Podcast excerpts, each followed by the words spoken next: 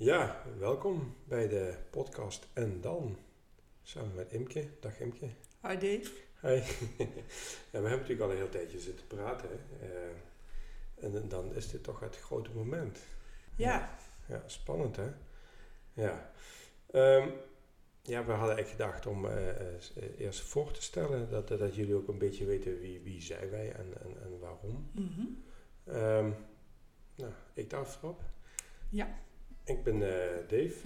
Uh, ben weduwnaar, zoals dat heet. Ik ben 52 jaar. Uh, woon samen met mijn dochter uh, Minou van 10. En mijn zoon Bo van 17 in Nijmegen.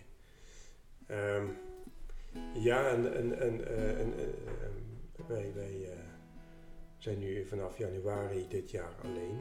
En we moeten kijken dat we dit, hier doorheen komen. En we hebben slecht nieuws gehad vorig jaar. En toen zei ik tegen mijn vrouw van, nou weet je wat, wat wij meemaken, daar, daar moeten we wat mee. Uh, ik werk uh, nu vijf dagen in de week. Um, dat, dat, dat, wil ik ietsjes gaan afbouwen, want uh, ik merk wel dat het erg druk is. Um, de kinderen gaan naar school. Mijn zoon die zit op middelbaar onderwijs. dit jaar een nieuwe school gestart. Ook alweer even een pittig momentje. Mijn dochter zit op groep 7. En ja, dat is Dave. En uh, misschien is het even leuk uh, even uh, Imke te, te, vragen wie je bent, Imke. Nou, ik ben Imke, ik ben 48 jaar. Ik ben getrouwd met Erwin. En Erwin heeft in april slecht nieuws gehad. ik ben geen weduwe, Erwin leeft gelukkig nog. Ehm, wij wonen in Brabant, ik heb vier kinderen. En ehm, ja, de vrouw van Dave was een van mijn beste vriendinnen. Uh, die kende ik vanaf het begin van onze studie in 1994. En zo lang ken ik Dave ook al. Er is een waardevolle vriendschap ontstaan destijds. En die loopt gelukkig nog steeds door.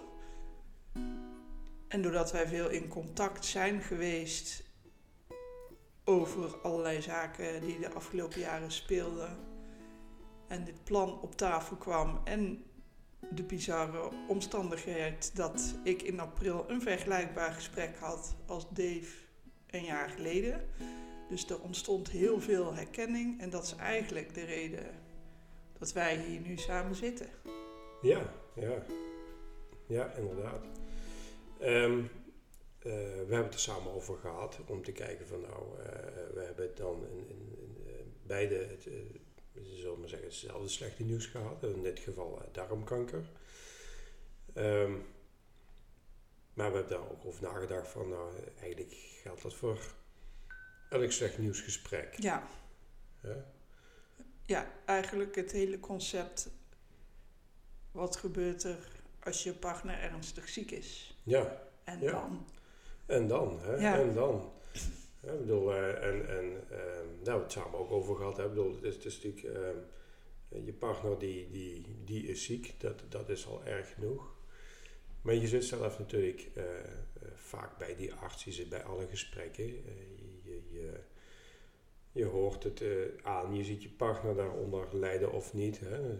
Erwin ging er vrij nuchter onder, maar ehm, ja, bij ons, uh, je, je, zit erbij en uh, je ziet je partner, uh, ja, die, die krijgt dat, dat slechte nieuws. En, en, en het is ook heel logisch dat alle aandacht uitgaat naar de patiënt. Maar waar Imke en ik natuurlijk wel eens over na hebben gedacht, je bent zelf ook patiënt dan op zo'n moment. Ja, maar eigenlijk dan, wel. Maar dan op een andere manier, hè? En die machteloosheid die je voelt, die is killing. Ja, ja. Ja. Dat is echt, je zit erbij, je kijkt ernaar en je kunt helemaal niks. Ja, ja je kan een arm om iemand heen slaan, en, maar je kan niet zeggen, ja, och, ja, komt wel goed. Nee. Bedoel, daar is het nieuws niet goed genoeg voor, uh, laat me zo zeggen. Nee, en uh, er is simpelweg ook niet voor alles een oplossing. Plus uh, je hele, de hele zekerheid van je hele bestaan wordt eigenlijk in één klap onder je vandaan geveegd. Ja. En wat ik me heel goed herinner, dat gevoel had ik heel erg toen ik van Esther dat nieuws kreeg. Die natuurlijk mijn vriendin is. En toen ik van Erwin hoorde dat hij uh, ernstig ziek was, toen leek het net alsof iemand keihard op de, op de handrem van ons leven stapte. En dat dat gewoon tot stilstand kwam. Ja, de toekomst Is, uh, is, ja, dat gaat in dagen, uren misschien. Uh, Afhankelijk van het moment, ja. soms dagen, soms uren, ja. Ja, dus, dus uh, dat, dat waren de herkenbare momenten die we samen allebei hadden en, en waar wij ik was helaas al ervaringsdeskundige toen uh, Imke het nieuws kreeg. Esther was al overleden op dat moment. Um, Esther was ook psychologe. Uh, die zei, ik zei van ja, weet je, eigenlijk uh, er is geen hulp voor, ehm, voor de partner. En dat, klinkt heel raar. Want ik krijg dezelfde informatie, hetzelfde nieuws. Ehm, alleen, daar, ja, misschien moet ik alleen verder of, of, of, of toch, je kan wel geholpen worden, maar dan, ja, hoe dan? Uh, we hebben daar toen de tijd over nagedacht en ik had eigenlijk de site van de, de praktijk van Esther willen, willen gebruiken om dit aandacht te geven. En dan, uh, Esther zag het ook helemaal zitten, want ze zag natuurlijk als psycholoog ook wel dat alles draait om patiënten, dat is logisch. Maar je zit er als gezin, uh, ook de kinderen, ja, we zitten er met z'n allen in. Ja. En dan mis je eigenlijk uh, in het huidige zorgsysteem de, de, patiënt is diegene eh, waar uh, de zorgverzekeraar de rekening gaat. Ik zit misschien bij een andere zorgverzekering, dus ik moet mijn eigen rekening zien te verantwoorden. En dan krijg je een klein beetje ieder zijn eigen hokje stampen, terwijl we als gezin zijnde, ja, toch overkoepelend ook wel wat aandacht graag hadden. En, en dat mis je eigenlijk dan op zo'n moment. Ja. ja, dat ken ik heel sterk. Je leeft van onderzoek naar uitslag van onderzoek naar uitslag, waarbij logischerwijs de patiënt centraal staat, want die moet dat allemaal ondergaan. Maar al die uren dat ik heb zitten wachten in het ziekenhuis en dat je eigenlijk jezelf moet redden, dat is uh, best heftig. Ja, ja. Dat vond ik echt best wel heftig. Dat je weet dat je partner een scan ingaat bijvoorbeeld en dat dat zoveel tijd duurt en je weet eigenlijk met jezelf totaal geen raad op dat moment. Nee, nee. nee die minuten je, die duren echt jaren. Ja, ja, je voelt je dat jongetje van 16 die zijn handen heeft en denkt, wat moet ik met die handen? Stop ze maar in je zak. Ja. Hè? Uh, wijze van spreken, je, je, staat er maar bij en, en je denkt van ja, en nu dan? Ja, ja heel herkenbaar. Ja. Opgekomen, ja. Nou ja, eigenlijk mede doordat jij zei, ik was al ervaringsdeskundige en daar heb ik heel veel aan gehad in het afgelopen jaar. Ja. Omdat jij eigenlijk al heel veel dingen had doorgemaakt. Dus jij kon mij bellen of appen op momenten, precies op momenten dat ik dacht, ik weet het even niet meer. En dat jij dan precies wist wat ik doormaakte. En dat heb ik jou al wel eerder verteld, maar dat, het, dat je het zo goed voelt dat iemand kan voelen wat jij voelt, om het maar even zo te zeggen. Toen Esther ziek was, had ik het idee dat ik wist wat zij als gezin doormaakte. Ik weet nu, met de ervaring die ik nu heb, dat ik daar geen enkel idee van had. En ik moet ook bekennen dat ik. Ik heb niet te veel aandacht voor Esther gehad, maar ik heb te weinig aandacht voor Dave gehad. In dat proces, omdat ik me daar niet bewust van was, denk ik. En ook omdat ik er zelf een soort van onderdeel was, omdat het om mijn vriendin ging. Dus dat deed ook van alles met mij. Maar je, je, je hebt het idee dat je het ziet en begrijpt. En wat daar wellicht in meespeelt, is ook hoe je als partner opstelt. Jij bent niet degene die ziek is, dus jij bent ook degene die door moet, die overeind moet staan, die alles moet doen. Uh, dat zijn patronen die ik dan bij mezelf herken.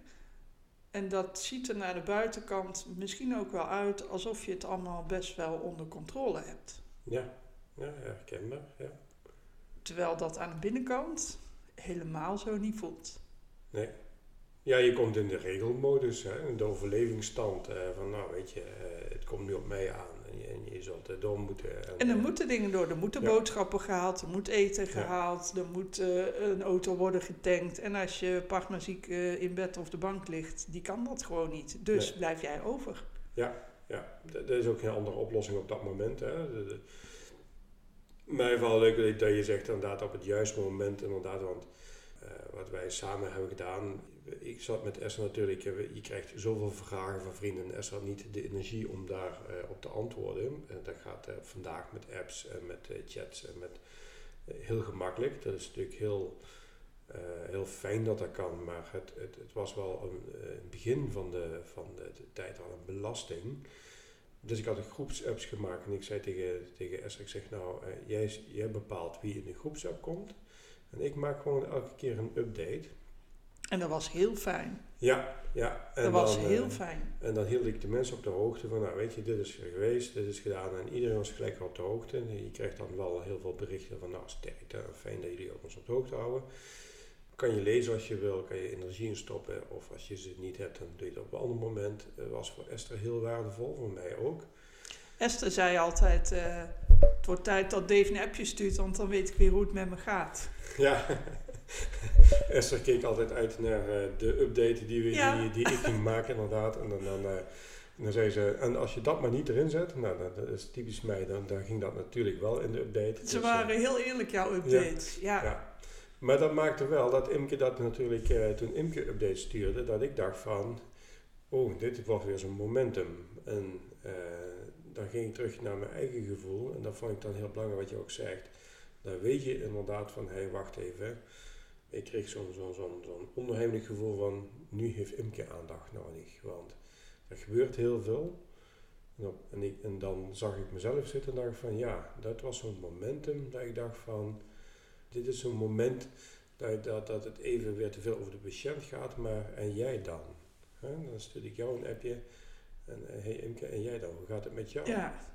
Ja, ja dat was echt... Uh, dat was heel fijn. En de apps die Dave stuurde maakten dat ik als vriendin op iets grotere afstand natuurlijk heel goed het proces kon volgen van Esther. Dus dat, dat je niet wordt overvallen door dingen. Je, je werd er eigenlijk in meegenomen. En dat is misschien wel de belangrijkste reden dat ik dat ook ben gaan doen. Omdat ik dacht, ja, dat heeft mij in het hele proces enorm geholpen. Dat ik vanaf het begin af aan helder had: dit is wat er speelt, dit is waar we nu staan, dit is waar we nu staan, dit is wat er komt, dan weten we meer.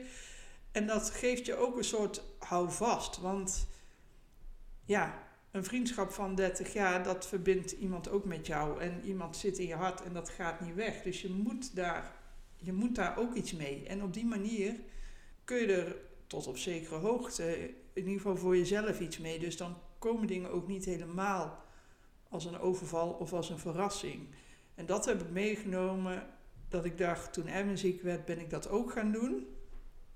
Omdat ik andere mensen dat ook gunde. En omdat het ondoenlijk is, echt ondoenlijk, om iedereen los te gaan appen.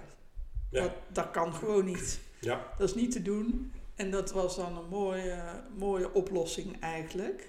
Ik heb veel geleerd van hoe Esther en Dave het proces wat zij door moesten zijn aangegaan. En ik heb er ook het afgelopen jaar de nodige dingen uit toegepast. En eigenlijk was dat kennis die onmisbaar was, of een ervaring misschien wel meer die onmisbaar is. En dat willen wij graag.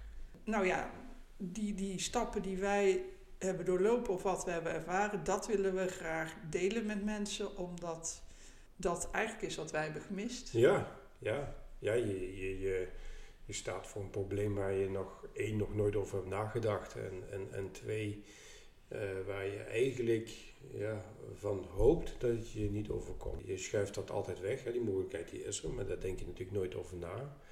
Heel veel mensen hebben er ook nooit geen last van. Nee, nou, ik heb zelfs een soort kansberekening gedaan toen Esther dit kreeg en overleed. Ik denk, nou, nou is de kans wel heel klein dat dat nog iemand in mijn omgeving treft. Ja. Nou, dat, uh, die redenering heb ik ongeveer drie maanden vol kunnen houden. en toen ja. ja. kwam ik achter dat, uh, dat dat zo dus niet werkt. Nee, nee, nee.